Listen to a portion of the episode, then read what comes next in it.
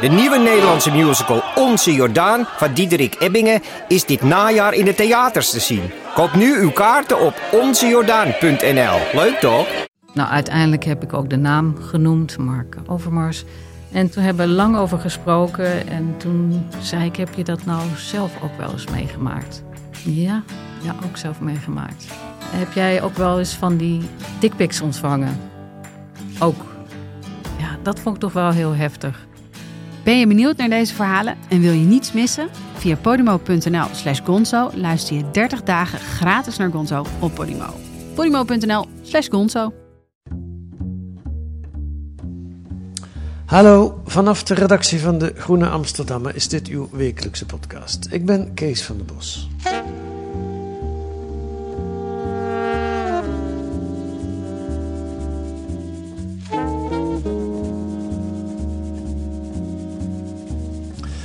Wat voor berichtenservice gebruikt u? WhatsApp? SMS, beetje ouderwets, maar goed. Signal? Keuze genoeg, zou je zeggen. Maar er is er nog één. En die is de laatste tijd regelmatig in het nieuws. Telegram. Telegram. Telegram. Zo moet ik het uitspreken. Telegram. Telegram. Een beetje op zijn... Op zijn Russisch. Op zijn Russisch. Gemaakt door een Rus, Paul Durov. Maar het wordt vooral gebruikt om de Russische propaganda over de oorlog in Oekraïne door te prikken. In Rusland dan. En in Nederland is Telegram... Telegram... Zeg het nog eens even. Telegram. Telegram. Eh, een vehikel voor drugscommunicatie, wapens en naakte jonge meisjes en kinderporno. Wat is het nou? Een baken van vrijheid of een achterafsteegje voor illegale activiteiten? Or Goldenberg, Eva Hofman en Joris Verbeek zochten het uit deze week in De Groene. En Or en Eva zitten hier in de podcast. Welkom. Dankjewel. Uh, Joris is er niet bij, waarom niet eigenlijk? Uh, Joris, is, uh, nou ja, Joris is eigenlijk de onderzoeker die aan de Groene Amsterdammer geleerd is. Dus die heeft het dataonderzoek gedaan. Wij hebben vooral gekeken op Telegram ja. en gepraat. Hij heeft het dataonderzoek gedaan en jullie hebben vooral het journalistieke werk. Ja, precies. Dus de Groene Amsterdammer werkt samen met de Utrecht Data School voor dit soort grote onderzoeken. Ja, want laten we dat ook maar meteen zeggen, dit is weer een project, net als vorige week, in het kader van data en debat. Ja, dat klopt. Uh, Or, jij bent fellow van De Groene. Wat is dat? Ja, dat houdt in dat ik eigenlijk een soort van uh, leerstadium zit. Dus ik werk hier als journalist, maar um, toch wel anders dan uh, de redacteuren die hier gevestigd zijn. Ja, dus, en je wordt betaald door een buiten... Ja, door? Martin van Amerongen Fellowship. Ah ja, ja. En ik heb begrepen, Eva, dat jij zo ook begonnen bent. Dat klopt, ja. En dan doe je dat een jaar? Een jaar, ja. Dus ik uh, ben er nu een jaar en een, uh, een paar maanden. Ja. ja, want jij hebt het geluk gehad dat je door mocht stromen naar de redactie. Ja, ontzettend veel geluk. Ja, want dat is niet, uh, dat gaat org niet automatisch ook doen. Dat is niet vanzelfsprekend. Nou, jawel, dat, jawel. dat weten we nog niet. Ik mag het hopen. Ja, dat snap ik. Ja. En zo'n fellowship, dat is dus een jaar. En elk jaar komt er een andere jonge journalist op die plek. Ja, ja soms twee en soms drie. Okay. Uh, meestal twee. Ja. En uh, dat is ontzettend leuk voor de Groenen, want dan hebben we de kans om met heel veel nieuwe jonge mensen samen te werken. En uh, het is ook wel fijn volgens mij. Tenminste, ik vond het heel fijn dat ik een jaar de tijd had om, om ook iets echt neer te zetten. Dus ja. veel langer dan een, een stage bijvoorbeeld duurt. Snap ik. Ja. En jou, wat is jouw opleiding hoor? Waar kom je vandaan? Ja, ik heb een uh, bachelor gedaan in internationale betrekkingen in Groningen. Ja. En daarna een master in uh, intelligence en international security aan King's College in Londen. En toen heb je gesolliciteerd op deze? Nee, ik heb vervolgens een uh, stage gelopen bij NRC. Ja. Um, het was mijn eerste aanraking met journalistiek en dat beviel heel goed. Um, en vanuit daar heb ik besloten om verder te gaan in de journalistiek. En nu zit ik hier. Nou, mooi. Um, goed, uh, Telegram. Ik kan het niet zo goed uitspreken. Even nog één keer. Telegram.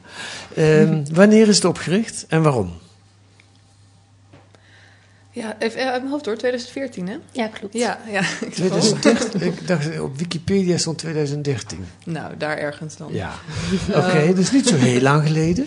Nee, nee, dat klopt. En eh, Telegram is opgericht door eh, de Rus Pavel Durov. Dat is een soort eh, Russische Zuckerberg. Even, even jong, succesvol, even rijk inmiddels. Nou niet, nou, niet even rijk, maar toch wel ook wel behoorlijk rijk. Ja, zo'n Eh. jonge, snelle, rijke Rus. Een snelle, rijke Rus. En die, eh, die heeft eerst het sociale medium Kontaktje opgericht. Eh, dat was eh, een soort Russische Facebook. Dat lijkt ook heel erg op Facebook. Dus ook met zo'n tijdlijn en zo. Ja. Eh, en ehm, nou, dat werd op een gegeven moment overgenomen door, door mensen geleerd aan het Kremlin. En uit, uit vrijheidszin heeft hij toen Telegram opgericht. En op Telegram ben je anoniem. Op Telegram kun je eigenlijk alles zeggen wat je wil. En ben je dus helemaal onafhankelijk van overheden en financiële markten. Ja, maar bij dat V-contact, dat wat hij eerst had, een soort Mhm. Facebook. Facebook bestond niet in Rusland, Jawel. maar hij, hij had gewoon nog een Russisch Facebook. Ja, nou ja, er zijn natuurlijk heel veel sociale media eh, opgericht die, die lijken op Facebook. Hè? Ja. Ze halen het niet allemaal, maar Ja. eh, Russen vonden het wel prettig om een eh, Russische Facebook te hebben. Oké, en daar is hij, heeft, is hij miljonair mee geworden, Mhm. multimiljonair. Ja. Dat, dat zal wel dan net zo gegaan zijn als bij Facebook, dat er advertenties eh op stonden. Dat is het verdienmodel, hè? Mhm. Ehm, toen heeft hij, dus dat is verkocht wat jij vertelt, eh, is in handen gekomen van de overheid, zo zou je het ook kunnen zeggen. ja. Eh, en daar, daar is hij niet zo van. Nee. Nee. Eh, is het een dissident, die Paul Durov? Wat voor type is het? Nou ja, inmiddels eh, wel ongeveer. Ja, hij is wel uit Rusland gevlucht of vertrokken in ieder geval om niet meer terug te komen. Ja. Ehm, ja, hoe, wanneer is iemand een dissident? Ik, hij heeft ook Ja, een tweede nationaliteit. hij, heeft een tweede, hij, kan, hij, ja, hij is inmiddels overal eh, gevestigd geweest. ja. Maar die tweede nationaliteit, die, hij zit inmiddels in Dubai. De Verenigde Arabische Emiraten. Precies. Ja. Ja, en van, ik, nou ja, ik, ik, ik kan niet in zijn hoofd kijken, maar ik heb het gevoel dat hij daar nog wel even, even goed zit. Nou, laten we even kennis maken met meneer Durov. Dit is een fragment eh, van een techconferentie in San Francisco in 2015. En Daar heb ik hem ook gezien op YouTube. Er zit inderdaad zo'n eh, ja, eh, snelle jongen, techjongen op het podium. Hij had ook uit Silicon Valley kunnen komen, denk ik, als je hem zo ziet. Maar hij komt uit Rusland. En de, op het podium wordt er gevraagd, het is dan 2015, dus, dus eh, Telegram bestaat nog maar net. Eh, waarom moet er nou nog een, eh, een berichtenservice bij komen? En dan zegt hij dit. To put it simply, it doesn't matter how many other messaging apps are out there if all of them suck, right? So, uh, Which ones suck for you?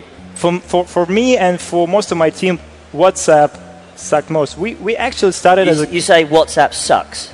absolutely, and I, I can I can elaborate on that. Please do. Sure. Uh, well, look, we're living in 2015. W- w- We're supposed to have flying cars and everything right now. Jetpacks. Absolutely. But if you have WhatsApp on your phone and your battery is low and, and your phone goes dead, suddenly you can't get access to your messages. It's over. It's not cross device. It doesn't have sync, cross device sync. It's, uh, you can't send documents on big media. Uh, there are lots of limitations with, in, in uh, group chats, in, in, in your uh, communication, and it's, it's not private. WhatsApp sucks. Eh, org, die voordelen die hij allemaal opnoemt hè, van Telegram. Een deel geldt inmiddels ook voor WhatsApp volgens mij. Nou, ehm, Telegram is toch wel anders in de zin van ehm, de soort groepen die je hebt. Je kunt bijvoorbeeld Telegram ook groepen hebben tot aan 200.000 leden. Dat is, ja, oké. Heel grootschalig. Ja, Eh, je kunt groepen hebben waarin je niet kunt deelnemen. Dus een soort van broadcast groepen. ja, waar je alleen naar kunt luisteren of kijken. Precies. En bovendien ehm, kun je inderdaad ook via je computer of laptop op eh, Telegram. Want Ja. kan- dat kan ook op WhatsApp. Maar Ja. je hebt absoluut geen app meer nodig. Dus je kunt ook zonder een eh, ja, mobiele telefoon gebruik maken van deze chat service. En wat is de- het grote verschil? Is die grote groepen en dat, die broadcastfunctie? Of is dat andere ook wel belangrijk? Dat je geen app meer nodig hebt? Ik denk dat vooral in ons onderzoek, maar ook voor het gebruik van de meeste mensen, uh, toch wel de manier van chatten belangrijker is dan uh, de device waarop Ja. je zit. Ja. ja, ik kende het helemaal niet, maar ik heb voor de gelegenheid een Telegram-account aangemaakt. En ik kan nou met een vriendin van mij net zo goed appen als dat we het via WhatsApp konden. Dan, dan merk je eigenlijk nauwelijks. Ja, het bijzondere aan Telegram is natuurlijk dat er allemaal verschillende dingen op kunnen. Hè? Dus op WhatsApp kun je chatten. En nou ja, goed, Facebook heeft ook een chatservice, maar eh, Facebook Messenger. Uh, maar, maar het interessante aan Telegram is, is dat al die, al die vormen naast elkaar bestaan. Dus het is zowel een soort van YouTube als een soort van nou ja, Facebook, als een soort van WhatsApp. En dat, Ja. nou ja, dat, dat is best uniek. En daardoor werkt het ook. Bijvoorbeeld, nou ja, je kunt heel goed protesten organiseren op, uh, Ja. op Telegram. Ja, nou ja, dat blijkt, want in, in Rusland is het nu sinds de Oekraïne-oorlog op een bepaalde manier heel populair. Mhm. Rusland probeert IP-adressen af te sluiten, maar het, nieuws over de, het andere nieuws over de Oekraïne dringt via Telegram toch door. Ook onder andere via eh, Telegram in, in, in Rusland. Ehm 700 miljoen gebruikers heeft het op dit moment. In, in zeg 9 jaar, 8, 9 jaar tijd. Daar snap ik niks van. Hoe komt zoiets? ik, ik bedoel, je kan wel een netwerk beginnen, maar hoe kan dat zo? Hij had in een jaar tijd had hij al 35 miljoen eh, eh, gebruikers. Hoe kan dat? Nou ja, er zijn eh, allemaal verschillende redenen. Ja. Ehm, een van de redenen is eh, contentmoderatie op andere platforms, waardoor veel mensen toch neigen een uitweg te vinden. Waar kunnen we nog wel zeggen wat we precies willen zeggen? Ja, ja dit, Ehm. dit- Telegram staat voor absolute vrijheid. Hè? Je mag de grootst mogelijke onzin of rechtsradicale dingen, je mag alles zeggen. Ja, en dat is ook wel, wel interessant om te zien, want heel veel andere sociale media die worden juist op, op hun verantwoordelijkheid voor het publieke debat aangesproken. Hè. Dus Twitter is ontzettend bezig geweest met: oké, wanneer gaan we nou mensen eraf gooien? Of Ja. wanneer gaan we nou berichten verwijderen of aanmerken? Met Trump hebben ze ervan afgegooid. Desinformatie, Ja. ja. sommige Russische media, daar staat dan boven dat, eh, nou, dat, dat willen we niet meer zomaar laten zien op, eh, op Twitter. Maar Telegram doet eigenlijk bijna niks aan contentmoderatie. Nee. Eh, dus, dus dat trekt ook wel heel veel mensen aan. Dus dat is e- inderdaad één reden. En daarnaast, ehm, ja, er was op een gegeven moment, was, lag, dat was afgelopen november, lag WhatsApp er ook uit. Ja, Eh, en toen, nou ja, toen moesten mensen dus op de een of andere manier ook nog met elkaar kunnen praten. En dat kon doen, wel op Telegram. Ja. ja. Nou, dat heeft eh, gevolgen, eh, maar dat is inderdaad een soort unique selling point van Telegram. Hè? Dat iedereen alles mag zeggen. Nou, dat, dat blijkt ook wel uit jullie artikel. Ehm, in een interview met CNN werd meneer Durov hier eh, op een pijnlijke manier mee geconfronteerd. Tenminste, eh, hij vond het zelf helemaal niet zo pijnlijk. Maar dat was na, na de aanslagen in Parijs in 2015, Bataclan en dergelijke. Eh, toen bleek blijkbaar dat de terroristen onderling ook via Telegram hadden gecommuniceerd. En de vraag aan meneer Durov bij, bij het CNN-interview is of hij dat niet problematisch vond. Know, of course, we are concerned about uh, the potential use of the technology we make. Do you feel that Telegram is in any way responsible for what happened?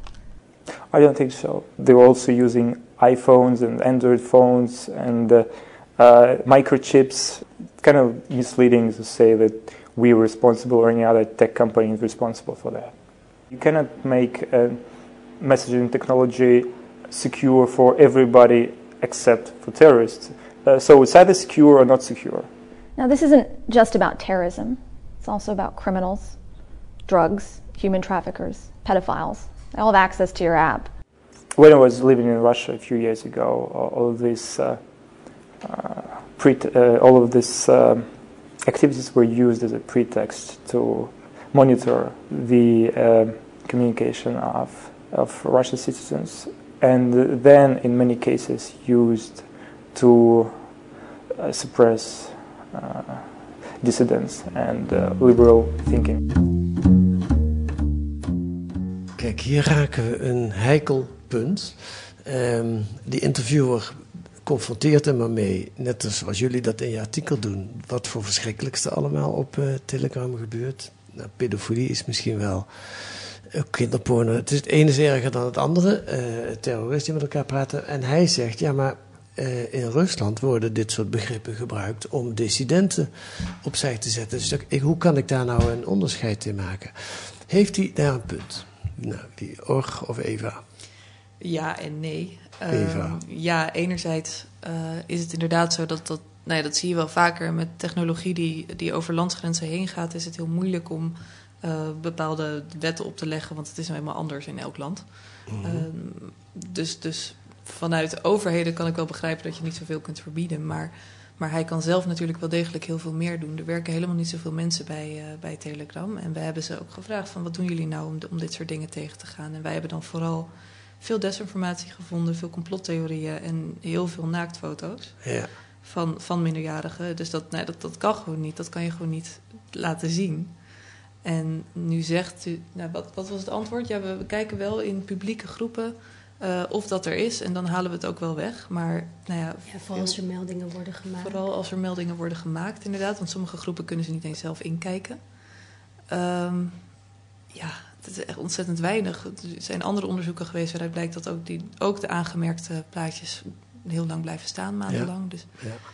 Dus je antwoord is, aan de ene kant heeft hij een punt, want ja, Mhm. met een mes kun je een brood smeren, maar je kan er ook iemand mee doodsteken. Dat is Ja. het vaak gebruikte argument. Maar hij, doet, hij, had- hij zou veel meer kunnen doen op zijn Ja. eigen platform. Nou, het is natuurlijk ook een heel oud ideaal, hè? Van oh, op het internet moet alles kunnen en we mogen daar helemaal vrij zijn en vrij van alles en iedereen. Ja, Eh, dat is echt, nou ja, waar hebben we het dan over? Jaren 80, jaren 70. En inmiddels zijn we wel een stukje verder en we hebben. En nou ja, zeker, zeker iemand die zo erg met tech bezig is, zou toch moeten weten dat, dat, dat we die discussie toch al wel redelijk voorbij zijn. Ik bedoel, Ja. we, hebben, we hebben gezien wat de gevolgen zijn van, van een helemaal open internet. Dat, nee, dat, dat kunnen we blijkbaar niet echt aan. nee. Nee. Ik denk dat het misschien ook een nuance is dat het verschilt per land eh, op wat voor manier Telegram wordt gebruikt. Eh, als je kijkt naar veel westerse landen, in ieder geval ehm, ja, landen die geen dictatuur hebben, ehm, wordt het veelal gebruikt voor eigenlijk de randen opzoeken van illegaliteit. Wat mag wel, wat mag niet. Terwijl in landen zoals Iran eh, of Hongkong het ook voor grootschalig eh, gebruik, voor protesten, voor ehm, ja, dis- dissidenten om contact met elkaar te hebben. Ja. Dus in dat opzicht heeft hij dus een kant van ja, hij heeft een punt. Ehm, om dat nog te onderschrijven. Ja, Ehm, ja zeker. Ja, ja, dus het ligt eraan in welk land dat je ernaar kijkt. Laten we, d- daar gaan we zo op die, over die mogelijke controle, ook van buitenaf wil ik het nog eh, zeker hebben met jullie. Maar ik wil eerst nu iets over het onderzoek eh, horen. Je besluit Telegram te gaan bekijken. Ehm, en dan, wat ga je doen? Hoe pak je dat aan? Ja, nee, dat dachten wij ook. Hoe pakken we dit aan? Eh, het is gewoon natuurlijk, Telegram werd ontzettend populair. Dus we dachten, we willen gewoon heel graag even laten zien wat hier, wat hier speelt. En dat is een discussie die eigenlijk op heel veel plekken op het internet speelt. Dus wat, ja, wanneer, wanneer kun je nou helemaal vrij zijn en wanneer loop je dan tegen, tegen grenzen aan? En eh, nou ja, geen medium illustreert dat zo goed als, als dit medium, waar je inderdaad dissidenten hebt die, die je moet kunnen beschermen of die ergens beschermd moet kunnen zijn. En aan de andere kant dus nou ja, mi- misbruik van die vrijheid.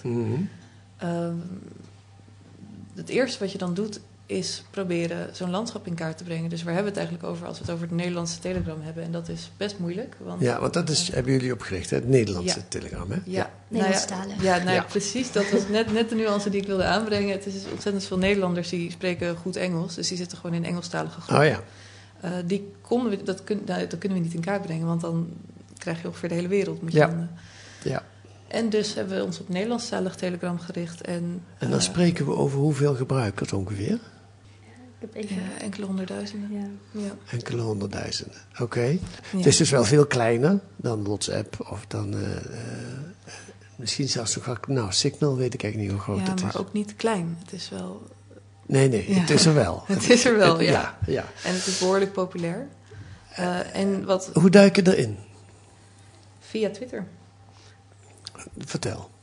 We hebben gekeken naar hoe bepaalde berichten eh, via Telegram op Twitter terechtgekomen zijn. Die lijntjes hebben we teruggevolgd. Zo zijn we in bepaalde Telegram-groepen gekomen. En moet ik wel zeggen dat dit niet het onderzoek is dat, dat wij hebben gedaan, maar dit is vooral het onderdeel waar, eh, waar Joris dus eh, mee bezig is geweest. Ja, En die heeft in kaart gebracht hoe die groepen naar elkaar doorverwijzen. Dus je, je stopt een linkje in een groep en dat gaat dan weer naar een andere groep. ja.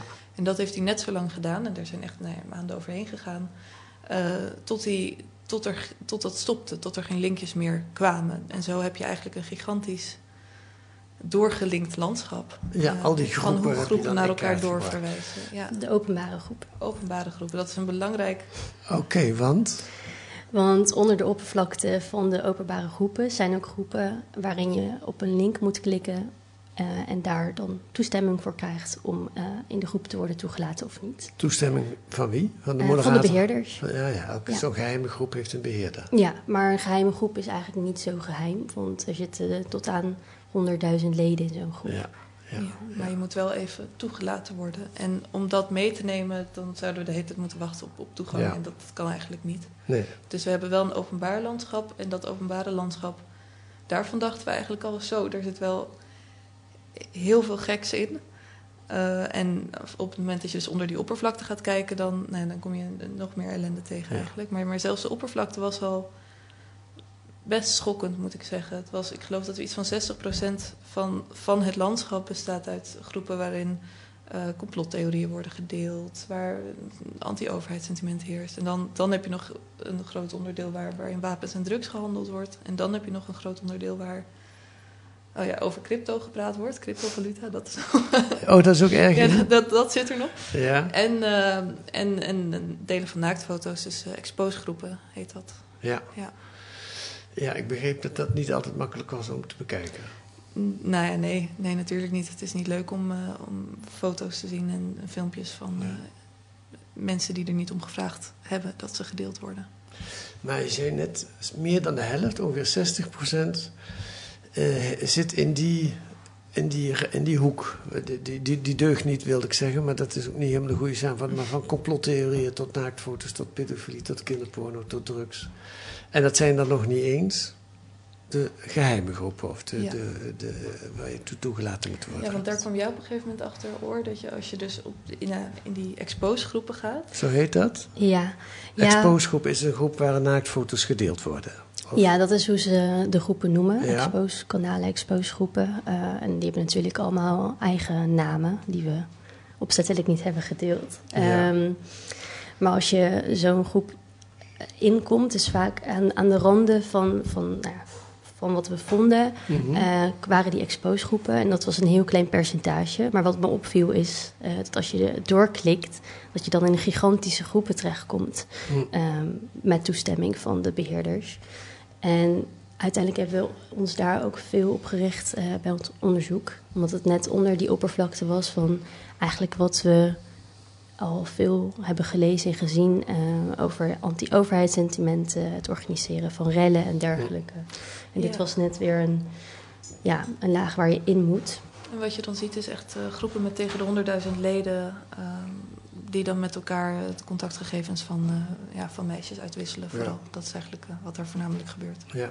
En jullie hebben geprobeerd om met zijn uh, moderator of admin, heet dat geloof ik dan, in contact te komen. En dat was een enorm gedoe. En daar ik... dat was een heel avontuur, ja. ja. we ja. weten nog steeds niet of we nou, of we nou in de maling, maling zijn genomen. Ja. Of dat, dat er echt iets schuilt. Het was, maar... niet, het was niet zo simpel van, dit is de, de, de administrator, die kun je benaderen. Nou, er zijn meerdere administrators en het is heel simpel. Je kunt ze benaderen. Dat hebben we ook gedaan. Uh, open deur eigenlijk. Uh, gezegd, we zijn uh, bezig met onderzoek. Kunnen jullie ons iets hierover vertellen? Ja.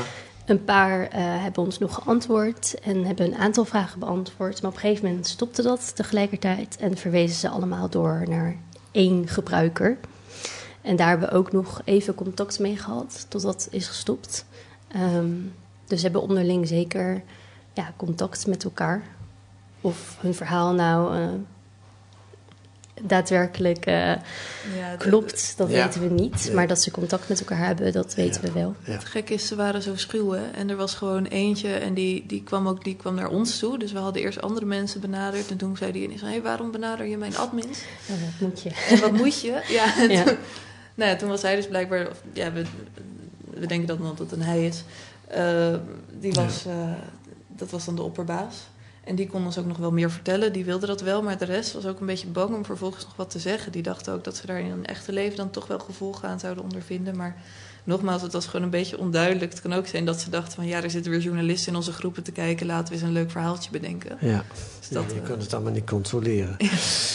Hey, we, we, naderen alweer het einde van de podcast. Laten we naar de mogelijke controle. Kijken. Je hebt eh, in Europa de Digital Services Act. Volgens mij is die gepasseerd op dit moment. Mhm. Ja. En die moet geïmplementeerd worden. Ja, nee, dat dat, is de dat, zal nog wel eventjes duren. Ja. Maar eh, ja, in principe eh, kan die door. Ja. Ja. en wat, kun je kort uitleggen wat dat betekent? Het is een wettenpakket, dus het is gewoon een manier om te zorgen dat in de Europese Unie sociale netwerken wat meer aan banden worden gelegd. En dat zijn eigenlijk twee pakketten. Dus je hebt de Digital Markets Act en de Digital Services Act. De Digital Markets Act die gaat vooral over het beschermen van gebruikersgegevens tegen ehm, advertentie, voor advertentiedoeleinden. En eh, de, Digital, de Digital Services Act die gaat iets meer over dus inderdaad moderatie en wanneer is, moet content nou van, van een medium worden afgehaald? In hoeverre moeten media nou verantwoordelijk zijn voor wat er allemaal op gebeurt? Uh, en uh, nou ja, dat, daar horen gewoon bepaalde regels bij. En Telegram doet nu eigenlijk wat het wil. Dus ja. Telegram zou dan ook aan meer regels gebonden moeten zijn. Ja. ja. Nou, ik las in jullie artikel, er zijn twee groepen in Nederland gesloten ja. aan Telegram. Welke zijn dat? Bataafse Republiek. Mm -hmm. En waarom is die gesloten? Um, uiteindelijk is dat.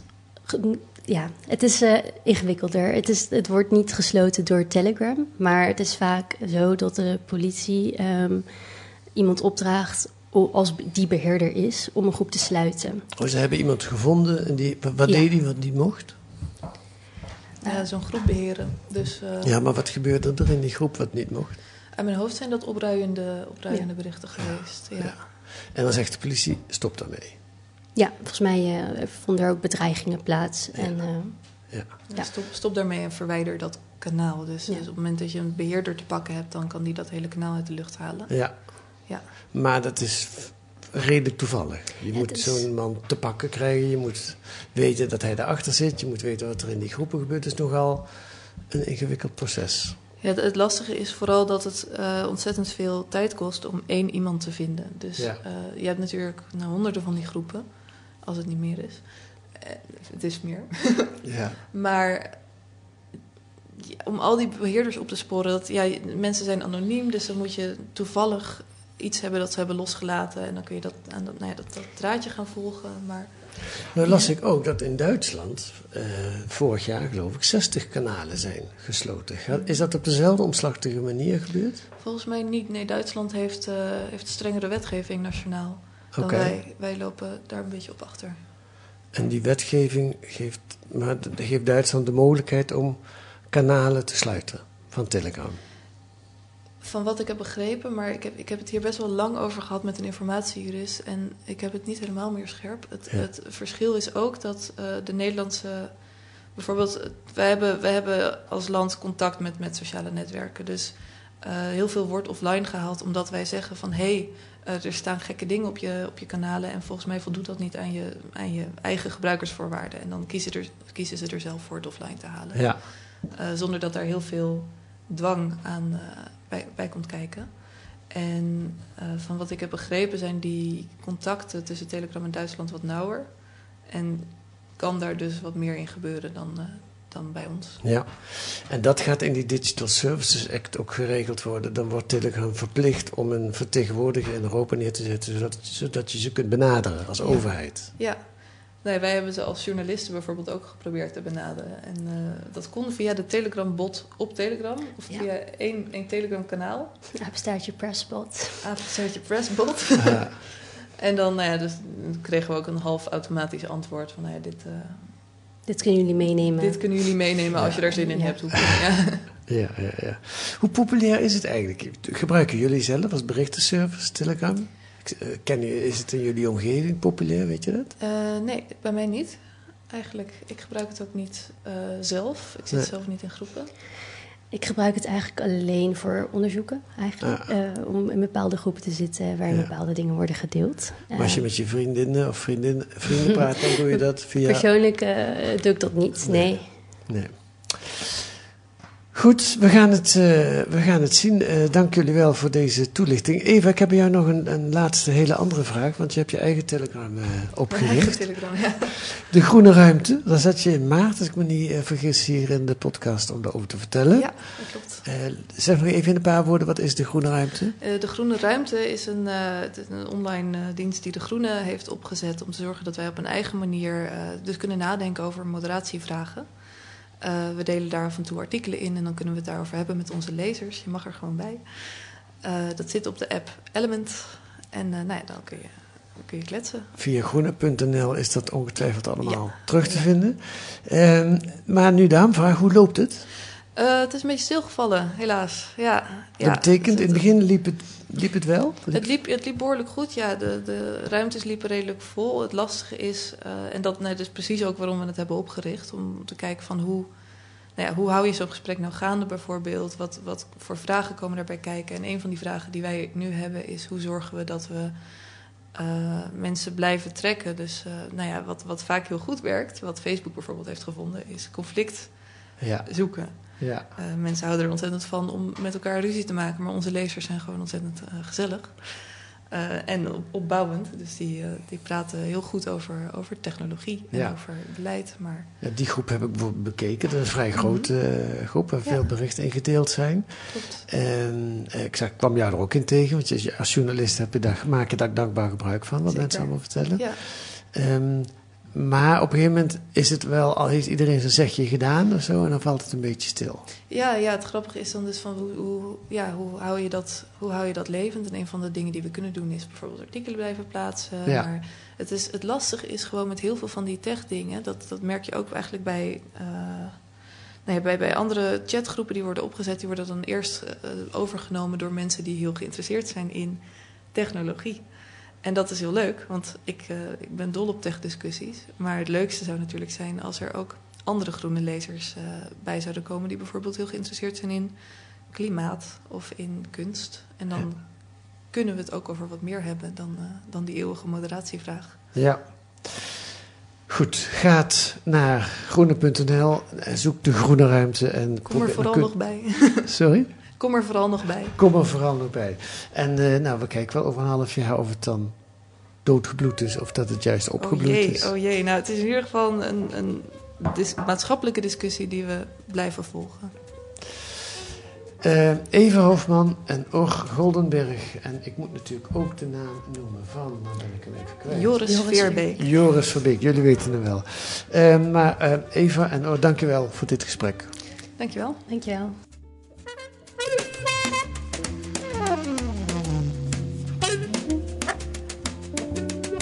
Wat staat er nog meer in De Groene deze week?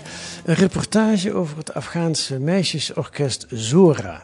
Toen Kabul viel, konden ze naar Portugal ontsnappen, maar het is erg lastig om daar een nieuw leven op te bouwen. En de toekomstplannen van de orkestleiding en van de meisjes komen ook lang niet altijd overeen. Lees dat in de reportage. En het oorlogsdagboek van de Russische romanschrijver Alexander Snegiryov. Oorlog wendt, zo blijkt. Hij zag Moskou na de Russische inval in Oekraïne verkrampen, maar daarna weer ontspannen. Wij Russen zijn moe van onszelf, van ons zware lot. Dat kunt u lezen met een abonnement of een proefabonnement. Ga dan naar groene.nl. Dan krijgt u uitgelegd hoe u 10 weken de groene kunt krijgen voor 15 euro. Wilt u reageren op deze podcast, dan kan dat ook. Ga de, stuur een mail naar podcast.groene.nl podcast.groene.nl. Volgende week zijn we er weer met een auteur van een artikel in De Groene van die week. Deze week werd de podcast gemaakt door Gaia Kumus en Kees van der Bos. En de muziek is het Tune for N van Paul van Kemenade.